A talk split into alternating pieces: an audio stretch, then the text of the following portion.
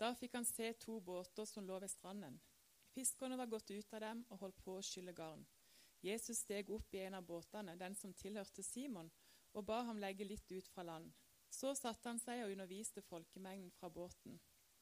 Da han var ferdig med å tale, sa han til Simon, legg, legg ut på dypet og sett garn til fangst. Mester, svarte Simon, vi har strevd hele natta og ikke fått noe, men på ditt ord vil jeg sette garn. Så gjorde de det, og fikk så mye fisk at garnet holdt på å revne. De ga tegn til arbeidslaget i den andre båten at de skulle komme og ta i med dem. Og da de kom, fylte de begge båtene så de var nær ved å synke. Da Simon Peter så det, kasta han seg ned for Jesu føtter og sa, Gå fra meg, Herre, for jeg er en syndig mann. For han og alle som var med ham, for han og alle som var med han, ble grepet av, forf av forferdelse over den fangsten de hadde fått. På samme måte var det med CBDU-sønnene Jakob og Johannes som fiska sammen med Simon. Men Jesus sa til Simon, Vær ikke redd, fra nå av skal du fange mennesker. Så rodde de båtene i land og forlot alt og fulgte han. Vær så god, Aleksander.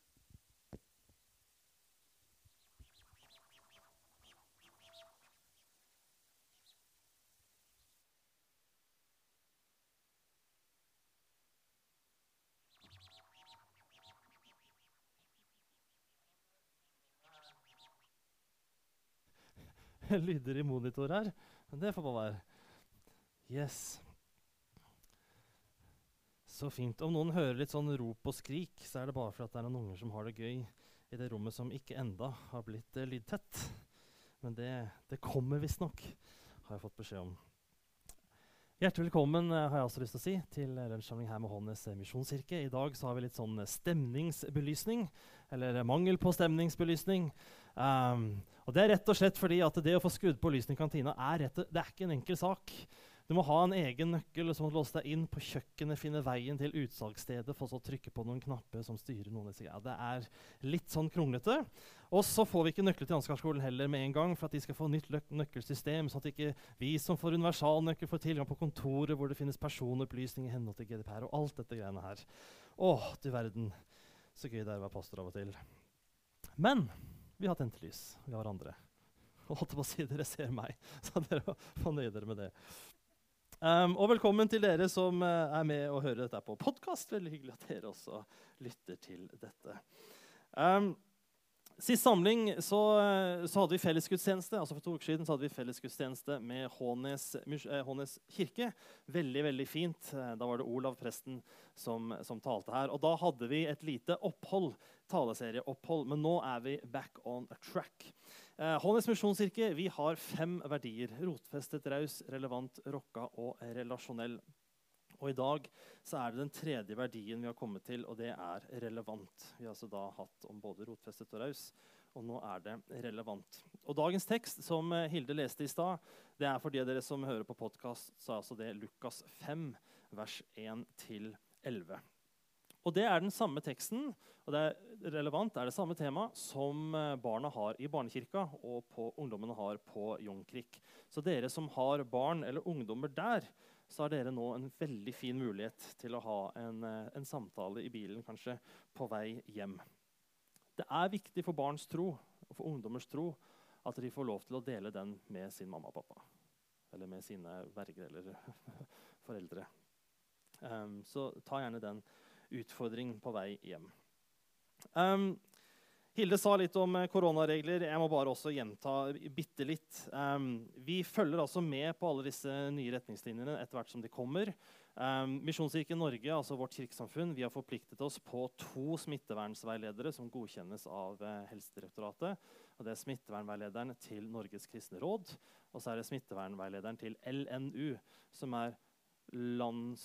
Nå må jeg få hjelp av kona mi, som jobber med dette her. Men det er Landsforeningen for norsk Landsforeningen for Norges barne- og ungdomsorganisasjoner. Bare for å gjøre det enkelt. Um, så Vi følger begge de to smittevernveilederne. og Foreløpig har det ikke kommet noe som har noen særlige konsekvenser for hvordan vi har lunsjsamlingene våre. Men Twins-arbeidet vårt, smågruppene våre for ungdommer, der må vi finne en annen løsning enn det vi har per i dag.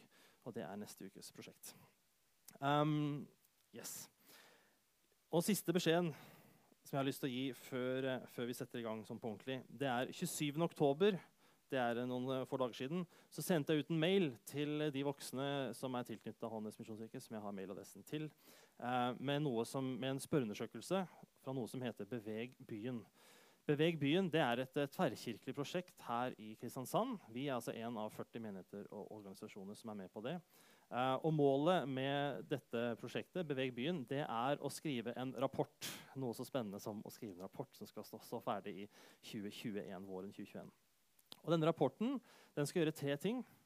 Den ønsker å kartlegge kirkelivet her i Kristiansand. Det har vi gjort. Hvis dere går inn på kristiansandmonitor.no, så kan man se ganske nøye statistikk over hvor mange som går på gudstjeneste, hvor mange barn som er delaktige i menighetsarbeid, hvor mange som er innom en kirke i løpet av år, og hvordan dette fordeler seg på de ulike organisasjonene og kirkesamfunnene.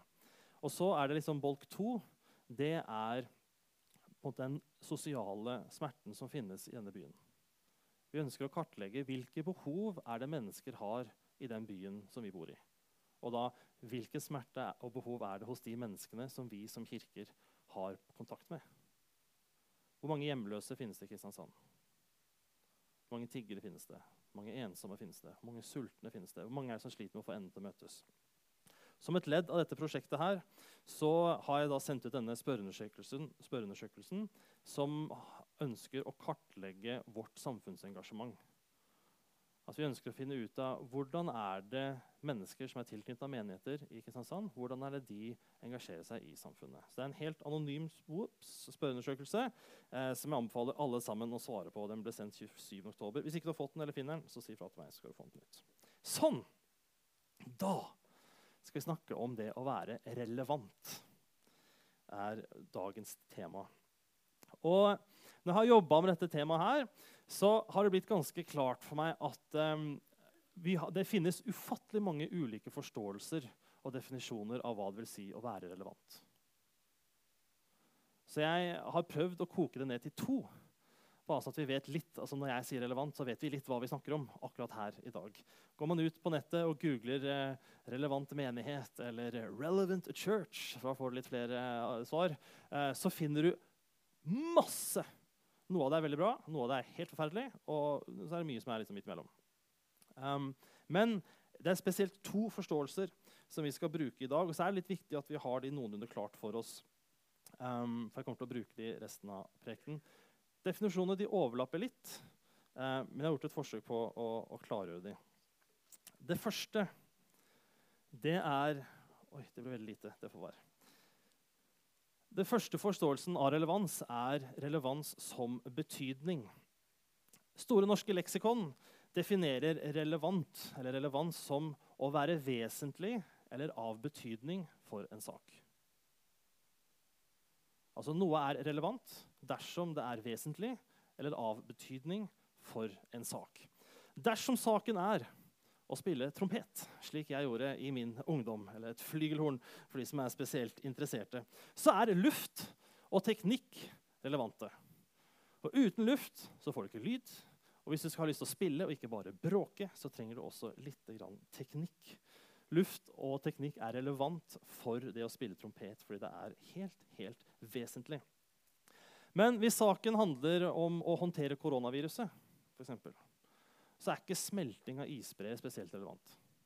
Jeg har ikke sjekka det, men jeg tror det er innafor å si. Uh, smelting av isbreer er ikke relevant. For det, det, er ikke av betydning for hvordan man håndterer koronaviruset. Det er ikke vesentlig for hvordan man skal gjøre det. Så en måte å forstå relevans på, det er at relevans ja, Nå sølte bursdagsbarnet kaffekoppen sin ut overalt, og så går det helt greit akkurat i dag. Så En måte å forstå relevans på det er at relevans er, altså er relevans som betydning. Den andre forståelsen det er relevans som strategi. Og dette brukes veldig mye i vår kirkelige kontekst. Relevans som strategi. Altså Å være relevant det er å gjøre evangeliet om Jesus forståelig, tilgjengelig og synlig. Og De troene er det jeg som har på samla sammen. fra det jeg har lest. Det er liksom, mye av det havner liksom i disse tre kategoriene her. Å være relevant og prøve å forkynne evangeliet om Jesus på en relevant måte. Det handler om å gjøre det forståelig, tilgjengelig og synlig. Hvordan kan vi vise hvem Jesus er, sånn at folk forstår hvor bra han er og har lyst til å følge han. Og du aner ikke hvor mange liter prester og pastor og forkynnere har svetta for å skrive en relevant preken. Eller en preken som forsøker å gjøre Jesus levende.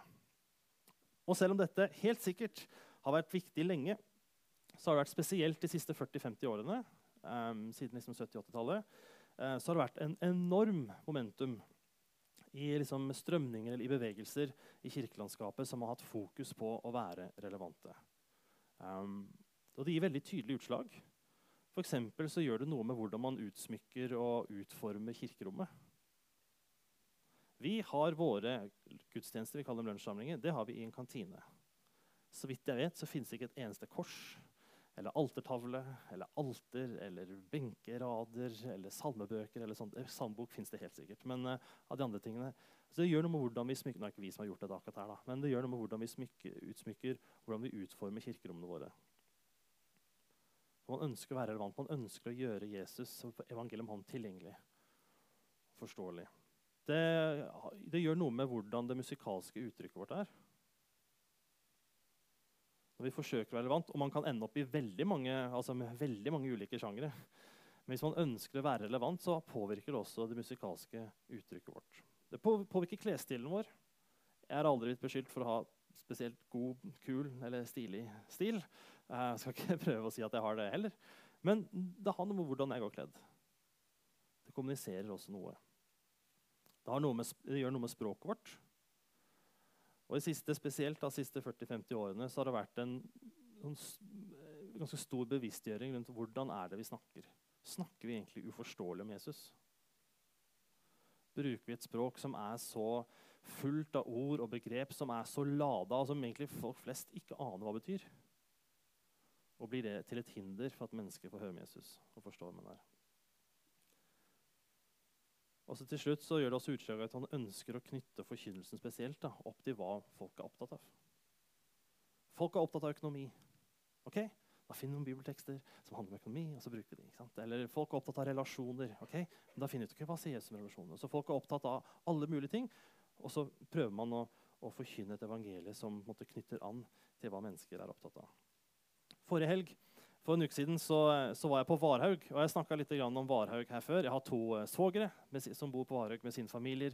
Jeg har noen studiekamerater som har gifta seg og, og enten flytta hjem eller blitt med sin kone. da, som har flyttet hjem til Varhaug. Så vi var der på turné på si, forrige helg. Besøkte liksom alle vi kjente der.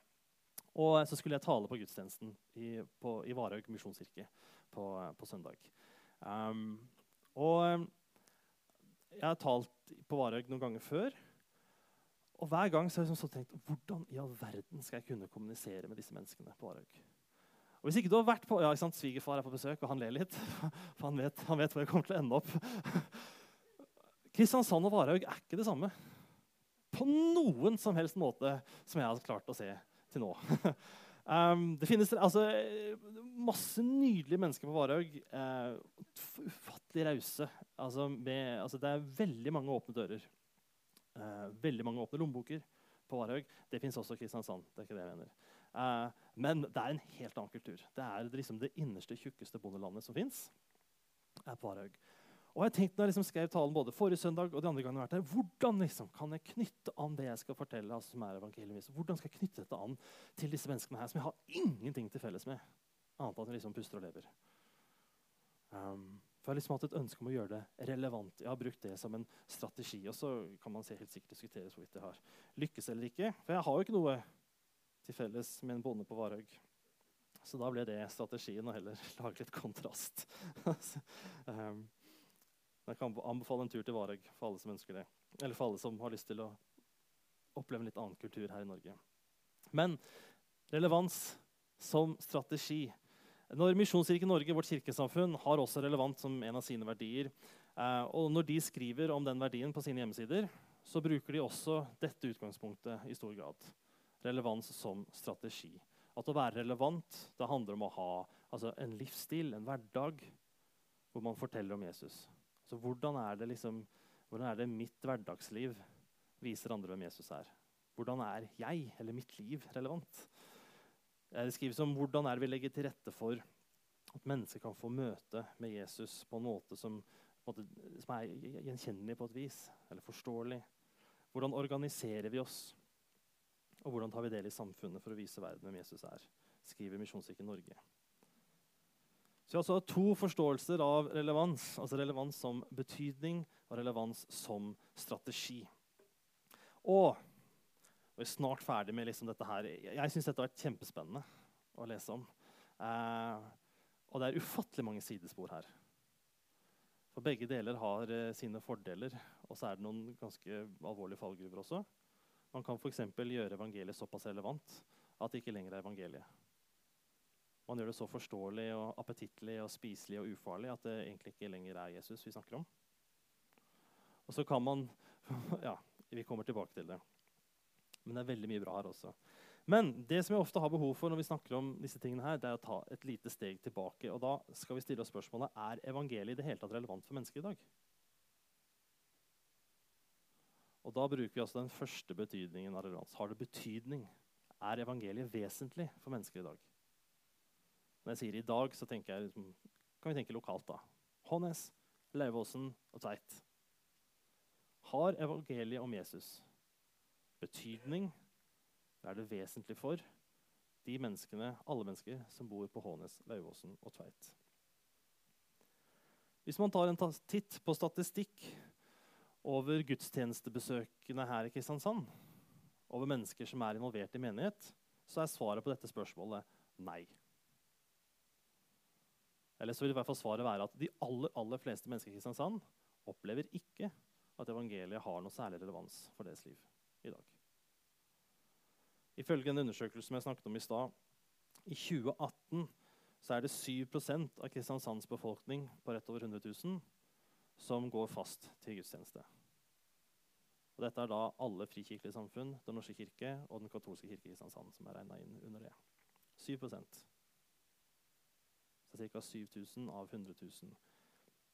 Og så er det ca. 18 som man regner som aktiv i kirkesammenheng. Dvs. Si at i løpet av en måneds tid så er man innom et eller annet tilbud som er i kristen regi.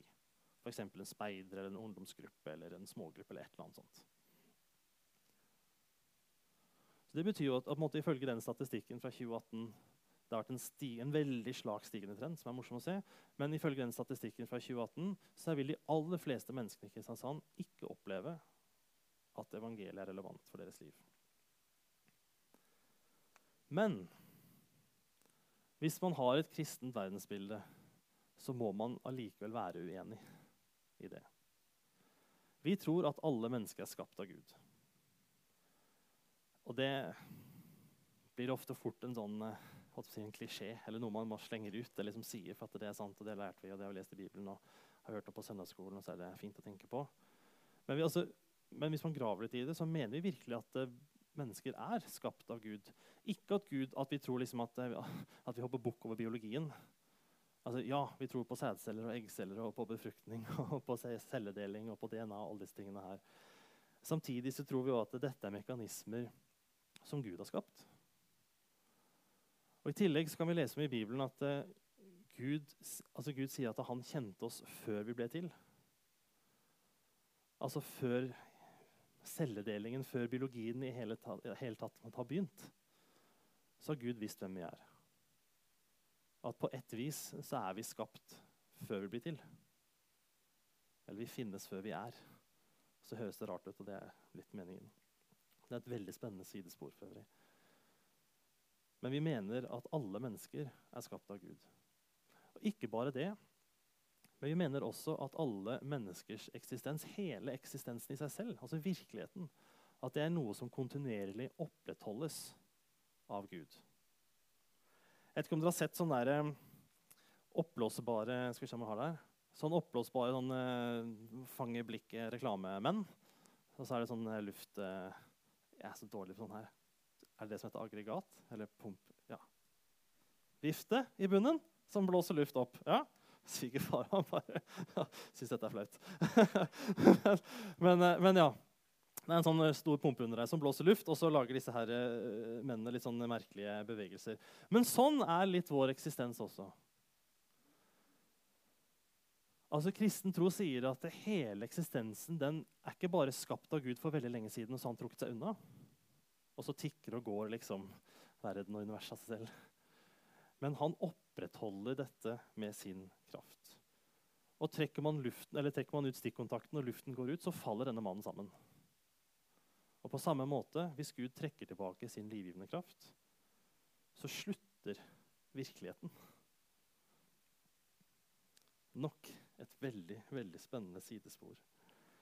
Men fordi alle mennesker både er skapt og opprettholdes av Gud, så har alle mennesker et grunnleggende forhold til ham.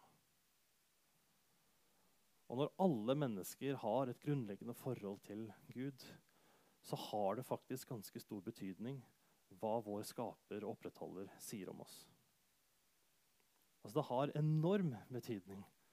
Det er både vesentlig og av stor betydning når vår skaper og opprettholder sier noe om hvem vi er. For mennesker i dag. For så vidt også til alle tider. Når Gud sier noe om mennesker, så har det noe å si for mennesker på Hånes, Lauvåsen og Tveit. Når Gud sier at uh, du er elsket, og du har uendelig stor verdi. Når Gud sier at du er også en synder, det ødelegger for deg selv og det ødelegger for andre. og Dypest sett så bryter relasjonen til den livgivende kraften med Gud. Og når Gud sier at det finnes også håp og nåde, forsoning og gjenopprettelse, så er dette noe som angår alle mennesker. Ikke bare de av oss som allerede tror. Det gjelder våre venner som ikke tror på Jesus. Det gjelder vår familie, det gjelder våre kollegaer. Det gjelder også de ukjente som vi streifer innom i løpet av livet. Og Jeg kjenner at jeg, jeg utfordres veldig av det. Jeg utfordres veldig av å liksom, Det er ikke så ofte jeg sitter på bussen uh, i, i, disse dager. Men å sitte på bussen og tenke Gud elsker alle disse menneskene som sitter her. Og kjenner alle deres historier. Noen av de er kanskje kristne òg. De fleste er sannsynligvis ikke det. Og så utfordres jeg på ok, men Holder jeg liksom dette evangeliet bare for meg selv? egentlig? Eller holder jeg det egentlig bare blant mine? Så han Predikant som sa en gang at evangeliet er ikke til for å rukes på. Og det er det ikke. Med mindre det skal hekkes og klekkes og bli til flere. og ja, Der faller bildet litt sammen. Men jeg tror vi trenger å la oss utfordre. Ikke la oss måtte drives til måtte, eh, utbrenthet og utslitthet og til skam og dårlig samvittighet hele tiden. Det tror jeg ikke. Men jeg tror vi trenger å utfordre oss nærmest av glede. da. At det Jesus sier om meg, det sier han også om min nabo. Tenk det. Tenk så stort. Han som elsker meg overalt, han elsker også min nabo overalt. Så hva med Jesus oppi alt dette? Vi har brukt mye tid på å snakke om, om ting som ikke er Jesus. det må vi gjøre nå. Hva med Jesus? Vi skal se på to bibeltekster. På onsdag som var for fem dager siden, så, så um, hadde vi styremøte. Og dagens jubilant, Anne Mai, som styreleder, hun delte en liten bibeltekst fra Filippebrevet. Filippebrevet 2, vers 6 og 7. Det er innledningen til en eldgammel hymne. Altså Paulus som skriver dette her. Dette er sannsynligvis eh, si, første vers på en gammel sang om Jesus. Dette er sånn datidens lovsang, om du vil. Han, altså Jesus, var i Guds skikkelse og så det ikke som et rov å være Gud lik. Men han ga avkall på sitt eget, tok på seg tjenerskikkelse og ble mennesker lik. Jeg leser en gang til. Han, altså Jesus, var i Guds skikkelse og så det ikke som et rov å være Gud lik, men ga avkall på sitt eget, tok på seg tjenerskikkelse og ble mennesker lik. Jesus han gjør seg selv relevant. Og Da tenker vi den første betydningen. Han gjør seg selv forståelig. Han gjør seg selv tilgjengelig, og han gjør seg selv synlig. Han trenger egentlig ikke min hjelp. Det har han gjort sjøl. Han gjør seg selv forståelig. altså Han blir et menneske. Oi, ja. Han blir et menneske. Og Jeg vet ikke det er med deg, men jeg syns det er veldig mye enklere selv om det er vanskelig, veldig mye enklere å forstå mennesker enn det er å forstå Gud. Veldig mye enklere å forholde meg til et menneske enn det er å forholde meg til Gud til tider. Sant? Mennesker skjønner man seg tross alt litt på. Og gjør, Jeg gjør også det i forhold til Gud. Men en uendelig og allmektig og evig Herre ja, er kanskje enkel, men jeg syns det er vanskelig å liksom fatte og begripe. Men Jesus han blir et menneske og gjør seg selv forståelig. Han gjør seg selv relevant. Og så gjør han seg selv tilgjengelig. Altså Folk kunne bokstavelig talt stå og snakke med Jesus. De kunne høre på ham. De kunne spise med ham, og drikke med ham, og le med ham og tulle med ham. Tror jeg. Gråte med ham, be med ham. Sørge med ham. Han gikk på, eller han var her i noen og 30 år, og spesielt de siste tre årene. Så var han ekstremt tilgjengelig. Og vi har også tilgang på den tilgjengeligheten som han gir. Og så gjør han seg selv synlig. Mennesker som har levd, har sett Jesus. Jeg har aldri sett Gud. Jesus han gjør seg selv relevant. Filipperne 2, vers 6-7. Men så hadde vi en tekst til, som Hilde leste til å begynne med, om Peters fiskefangst. Lukas 5, vers 1-11. Og Dette er en tekst som først og fremst er kjent for eh, det Jesus eh, sier til Peter, eller til Simon Peter. At fra nå av skal du ikke lenger være fisker, men du skal, være, eller, skal ikke lenger fange fisk, men du skal fange mennesker. Og I tidligere oversettelse så sto det du skal nå være menneskefisker. Um, og Det er på en måte det denne teksten her er kjent for, og det er ikke det vi skal trekke fram akkurat i dag. Men Simon Peter og, og hans um, ja, kollegaer, de andre fiskerne, de er ute og fisker, og de har hatt en dårlig dag på jobb. De vet at det betyr kanskje at uh, noen går sultne. Kanskje det betyr mindre inntekt. Det er på ingen måte lukrativt å være fisker. Um, de har strevd hele natta, de er slitne, de har ikke fått noen ting. De er klare for å legge inn årene og, og legge til land. Og så trer Jesus inn i livet deres. Og så gir han dem et livsforvandlende møte med Gud selv. Han inviterer dem med på sin reise.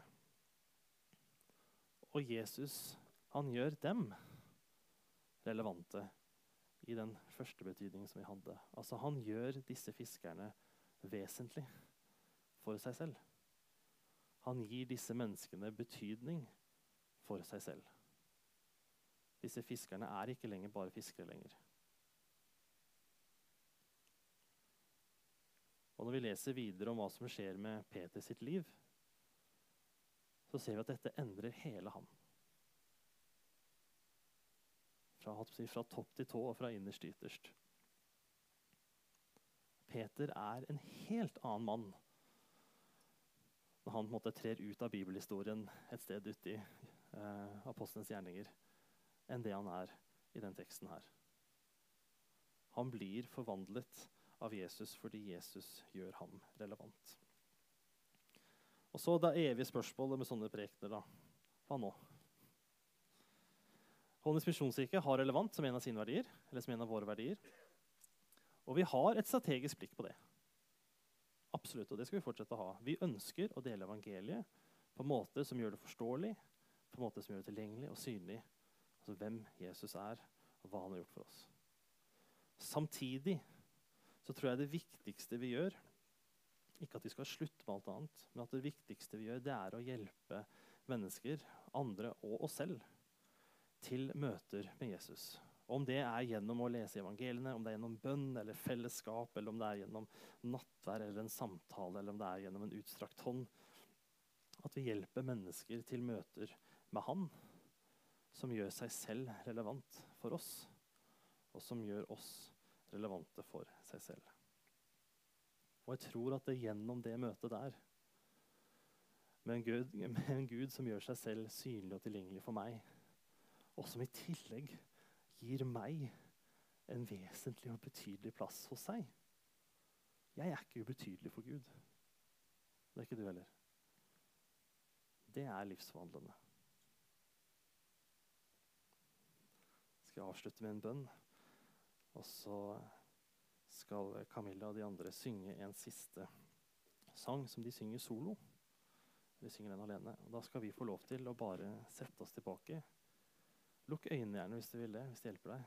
Og så tenk litt på akkurat dette her med å være relevant. Både hva vil det si Hva vil det si at altså, Har jeg tatt inn over meg hvilken betydning jeg har for Jesus? Utrolig fort, fort gjort å ikke gjøre det. Utrolig fort gjort å tenke at min betydning for Jesus den er betinget av hvordan jeg er, og hvordan jeg oppfører meg, og uh, hvor mye jeg kan i Bibelen, hvor, uh, hvor mye jeg leser.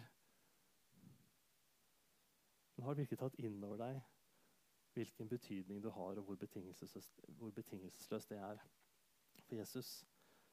Og ikke minst, hva betyr det for våre liv at Jesus også elsker alle de andre menneskene rundt oss?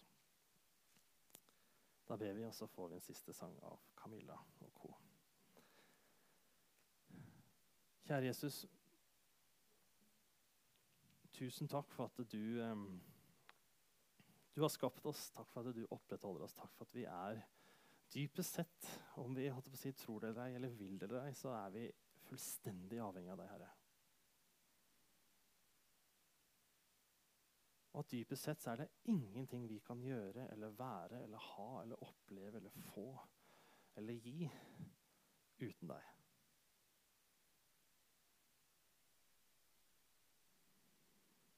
Og så takker jeg Herre for at ikke du er langt vekk. Jeg takker ikke for at du er utilgjengelig. Jeg takker ikke for at du er ikke her. Jeg takker deg for at du ble menneske. Jeg takker deg for at du gjorde, gjorde, deg selv relevant for oss. Jeg takker for at du gjorde deg selv forståelig og tilgjengelig og synlig for oss.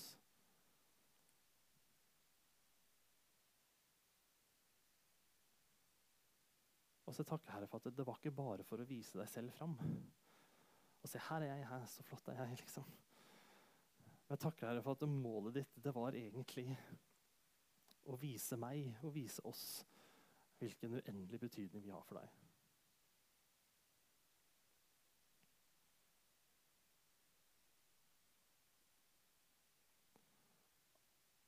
Og så flott som det er, så ser du her at det er av og til, og kanskje ofte for, for min egen del, krevende å dele det videre. Det er så mange ting som liksom hindrer og stopper og distraherer. og Så Jesus, jeg ber deg om din hjelp. altså For Håndens misjonskirke, for meg, for alle oss som er en del av denne menigheten her. Jeg ber deg om din hjelp til å finne gode måter, gode veier, til å kunne gjøre deg relevant for mennesker i dag. Så at vi kan dele evangeliet om deg. Om din død for oss, om din oppstandelse for oss, og den evigheten som venter.